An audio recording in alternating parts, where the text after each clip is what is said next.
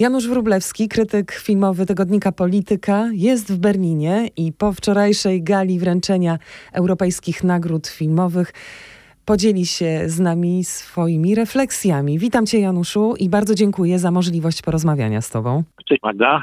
Czy Ty też odczuwasz swoisty dyskomfort y, powodowany werdyktem jury? Ja jestem bardzo zła.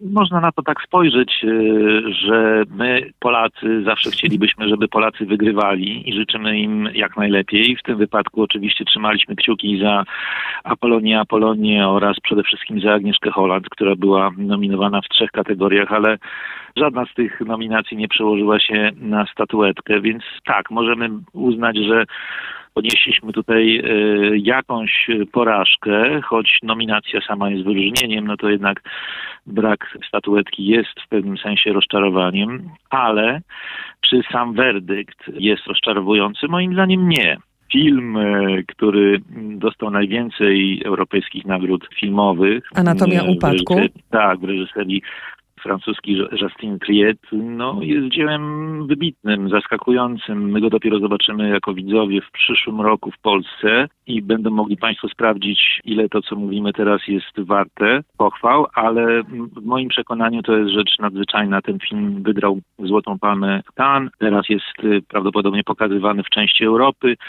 i wszędzie tam, gdzie jest na ekranach, y, zdobywa absolutnie uwielbienie publiczności i najlepsze recenzje, jakie tylko mogą być. To nie jest y, y, film łatwy, ale opowiedziany w konwencji gatunkowej i można tutaj mówić bardzo, bardzo długo na temat tego, czym on jest. To jest film o kryzysie małżeńskim, o rozpadzie takiej relacji głębokiej, wieloletniej między pisarzami, ale też jest to film kryminalny. Kobieta zostaje oskarżona o zamordowanie swojego męża i... E, Sandra Hüller w głównej roli, dodajmy, która błyszczała tak, tak, na tak, gali wczoraj. Absolutnie wybitna aktorka, która została uhonorowana tutaj e, tą nagrodą, ale ona w ogóle jest fenomenem, ponieważ mm miała dwie nominacje, również za drugi najważniejszy film tego sezonu, czyli za Strefę Interesów. Arcydzieło, ale... bardzo pokrzywdzone w tym rozdaniu tak, europejskich jest, nagród filmowych. Druga, tak, jeżeli mówimy o tym rozczarowaniu, to, to rzeczywiście brak no, takich y, wartościowych wyróżnień dla tego filmu, bo zdaje się, że strefa interesów Jonathana Glazera zdobyła tylko jedno wyróżnienie. Za dźwięk, słusznie. Tak, słusznie oczywiście, ale była nominowana w znacznie większej ilości kategorii i to jest film absolutnie zasługujący na to, żeby ten film uhonorować y, odpowiednio. Wracamy do anatomii. To, co mówisz, jakoś mnie tak. uspokaja i pozwala wierzyć, że jednak świat nie oszalał i jest jakaś nie, nie, sprawo, sprawiedliwość. Nie. Nie, nie, w żadnym sposób. Znaczy,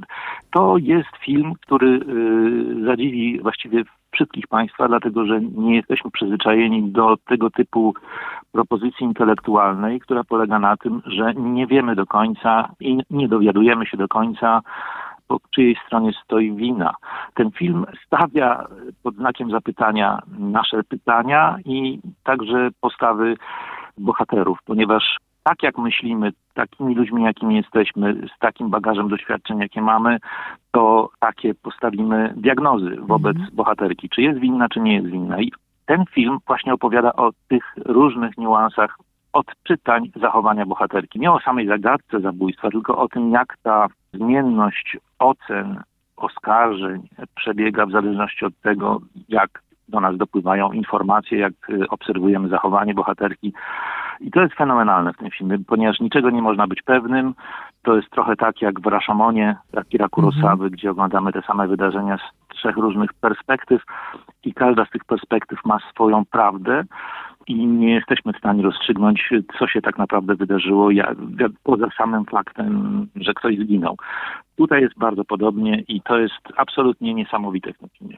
No i to jest chyba najlepsza rekomendacja. Teraz już czekam na ten film bez y, jakiegoś wzburzenia, które opanowało moje serce i umysł wczorajszego wieczora. Strefa interesów wydaje mi się, kiedy pojawił się syn Szawła i po raz pierwszy oglądałam kwestię Holokaustu, obozu koncentracyjnego, przedstawioną w kinie w tak oryginalny sposób z takiej furtki wchodzimy do tego świata, że myślałam, że już nigdy nic w kinie nowatorskiego, odmiennego od dotychczasowego sposobu przedstawiania tego tematu się nie zrodzi. A tymczasem Jonathan Glazer zaskoczył mnie strefą interesów, a ja muszę ci zadać pytanie, czy nie jest przypadkiem tak, i być może taki klimat wyczułeś w Berlinie, że te wielkie sprawy albo z historii, albo ze współczesności, tu mam na myśli prawa człowieka albo los uchodźców, że to jest y, mniej dziś podkreślane, mniej zaznaczane w tym werdykcie. Może mamy dość tych poważnych spraw? Chcemy zajmować się czymś się, innym, innym kinem? Przepraszam, że ci wchodzę mhm. w zdanie, ale od razu mam odpowiedź. To nie jest prawda. To znaczy, pomimo tego, że dwa filmy nominowane do głównej nagrody za najlepszy film były wprost o emigrantach, o mhm. tym, co się dzieje na granicach, y, mam na myśli Il Capitano, Garony i właśnie Zieloną Granicę Agnieszki Holland, to mm, nienagrodzenie ich nie oznacza bagatelizowania tej tematyki i tej problematyki e, i całej tragedii współczesności, która się roznosi nie tylko na te konflikty, o których wiemy, ale też e, na konflikty tam w dalekiej Armenii i Azerbejdżanie, a ten, co się dzieje, konflikt e, dzisiaj w Palestynie i Izraelu i tak dalej, i tak dalej. To wszystko jest wpisane w kulturę, w te filmy i w odbiór. I w tym kontekście również funkcjonuje i pracuje strefa interesów.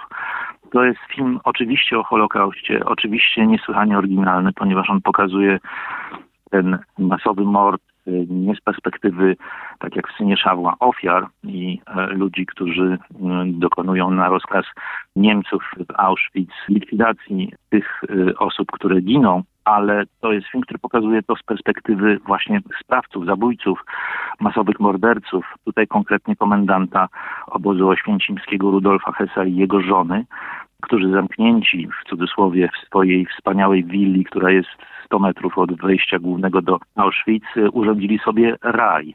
Jeśli potraktować ten punkt wyjścia jako jednak metaforę, nie tylko dosłowność, która jest dosłownością, mhm. bo to wszystko, o czym opowiada Glazer, się wydarzyło. To jest film oparty na pamiętnikach.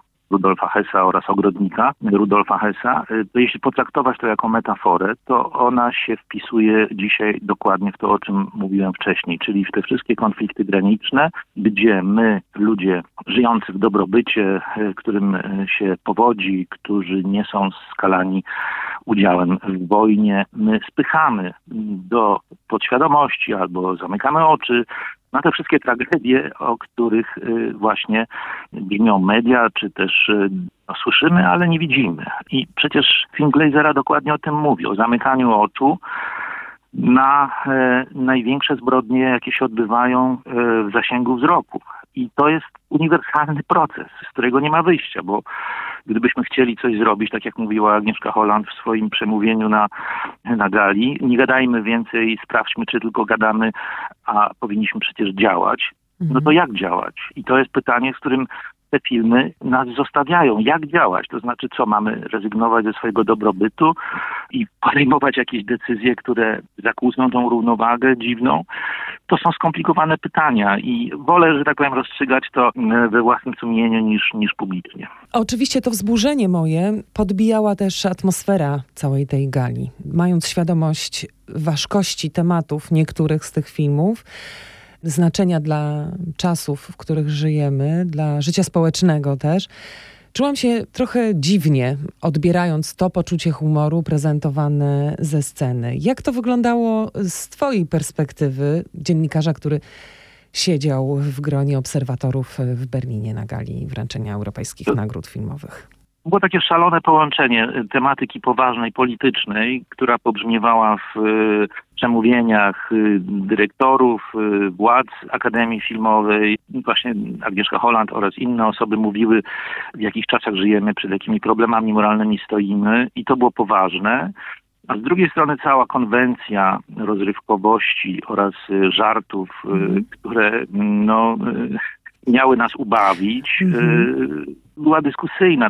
Do pewnego momentu to wszystko grało i się bardzo mi podobało. Myślę, mm-hmm. że mhm. większości osób, które to śledziły również, pokazanie tego, że to jest gala, że tutaj za chwilę będziemy rozdawali jakieś super nagrody, a tak naprawdę tam na zapleczu dzieją się rzeczy komiczne, bo się pudrujemy, zmieniamy stroje, bo wywracamy się o, o schody i tak dalej. To wszystko było w tej ceremonii ujawnione i, to, i te kulisy były rzeczywiście wybrzmiały jako prawda, bo tak się dzieje i ta ceremonia miała sens. Natomiast w momencie, kiedy to poczucie humoru, takiego luzu kompletnego zaczęły podejmować osoby odbierające te nagrody, no to tutaj zaczęły się schody, ponieważ y, nie każdy ma to samo poczucie humoru, nie każdy potrafi je wyrazić w sposób surrealistycznie zabawny i mam wrażenie, że takim kompletnym nieporozumieniem było wystąpienie Izabel Cachet, hiszpańskiej reżyserki, która odbierała nagrodę za całokształt swojej twórczości i ona właśnie trzymając w ręku tą statuetkę europejskiej nagrody nagrody i tak się na nią popatrzyła, popatrzyła i powiedziała, że no jej to przypomina e, wibrator.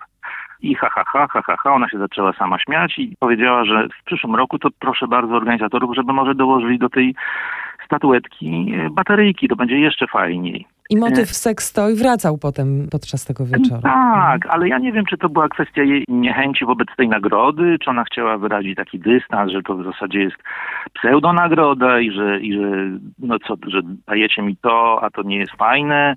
Czy to był właśnie taki rodzaj poczucia humoru, że, że, że obśmiejmy tą całą ceremonię i powagę, że przecież możemy sobie robić zgrywę z tego? No nie wiem, każdy to trochę inaczej pewnie odebrał, mm -hmm. ale wydaje mi się, że taki niesmak pozostał po tej jej wypowiedzi i później właśnie to zostało tak trochę powtarzane. Yy, no też było tak na pół zabawnie, jeśli ktoś był na przykład na premierze w Polsce podczas festiwalu Against Gravity, takiego e, filmu dokumentalnego Siostrzeństwo Świętej Sauny, który to film dokumentalny wygrał konkurencję najlepszy dokument europejski, to to wie, że reżyserka tego filmu uwielbia wprawiać w konsternację publiczność, y, bo zamiast mówić to śpiewa.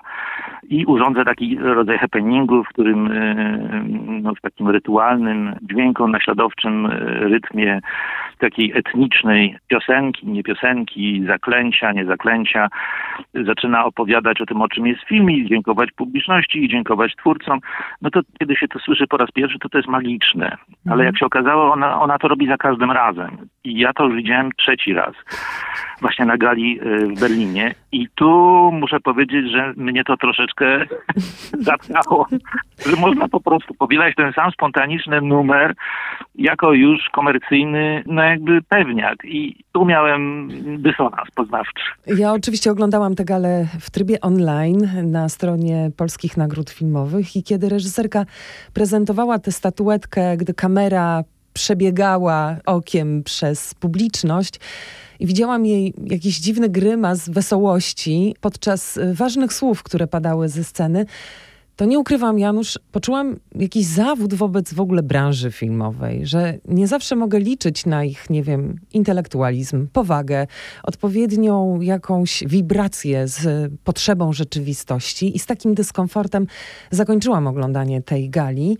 Bardzo się cieszę z tej rozmowy, bo wiele tych lęków czy obaw y, pozwoliłeś mi uspokoić. Y, natomiast kiedy pojawia się na scenie Agnieszka Holland i mówi z pamięci w języku angielskim, a nie czyta z iPhone'a e, swoje expose, mhm.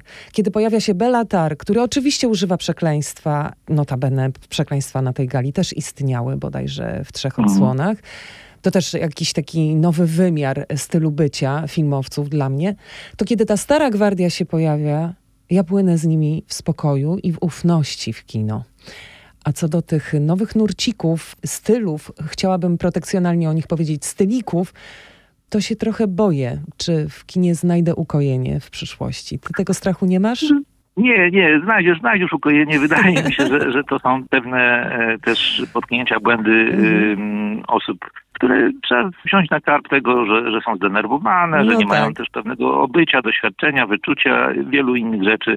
Ile razy to samo widzieliśmy, to samo w sensie takiego no, popełniania prostych błędów y, na naszych galach. Y, no tak w różnych okolicznościach i tak dalej, i tak dalej. I sami też je popełniamy, więc y, nie należy tego aż tak tragizować ani, ani mm, ekstrapolować. Uogólniać. Mhm, tak. tak. wydaje mi się, że, że po prostu nie była to najwybitniejsza ceremonia, którą zapamiętamy jako olśniewającą, tylko no, taka dość przeciętna, mhm. za długa zdecydowanie, zdecydowanie. dosyć nudna, mhm. z wieloma błędami organizacyjnymi, polegającymi na przykład na tym, że aż pięć osób tego trzy kompletnie nieznane otrzymały nagrody za całokształt twórczości. I to chyba nie jest rozsądne, kiedy się rozdziela te nagrody za całokształt wśród pięciu osób i te nagrody giną, rozpływają się. Powinno być tak i tak robi się na dobrych galach, że to ważne wyróżnienie za całokształt twórczości otrzymuje jeden wybitny twórca właśnie za to, że ma już y, swoje doświadczenie, że nas olśnił wiele razy, że y, ta jego działalność się odcisnęła y, szerokim echem i podkreślamy, że ta nagroda jest w tym momencie czymś specjalnym. A w momencie, kiedy co chwila przychodzi ktoś i dostaje za całokształt, a my o tym nie wiemy, nawet nie kojarzymy tego nazwiska, to to jest trochę śmieszne. Mhm. Bardzo Ci dziękuję za rozmowę. Janusz Wrublewski, prosto z Berlina, krytyk filmowy związany z tygodnikiem Polityka i dla mnie osoba zaufania filmowego. Dziękuję za Twój czas i za tę merytoryczną relację dla słuchaczy RMF Classic. Serdecznie dziękuję. Do usłyszenia.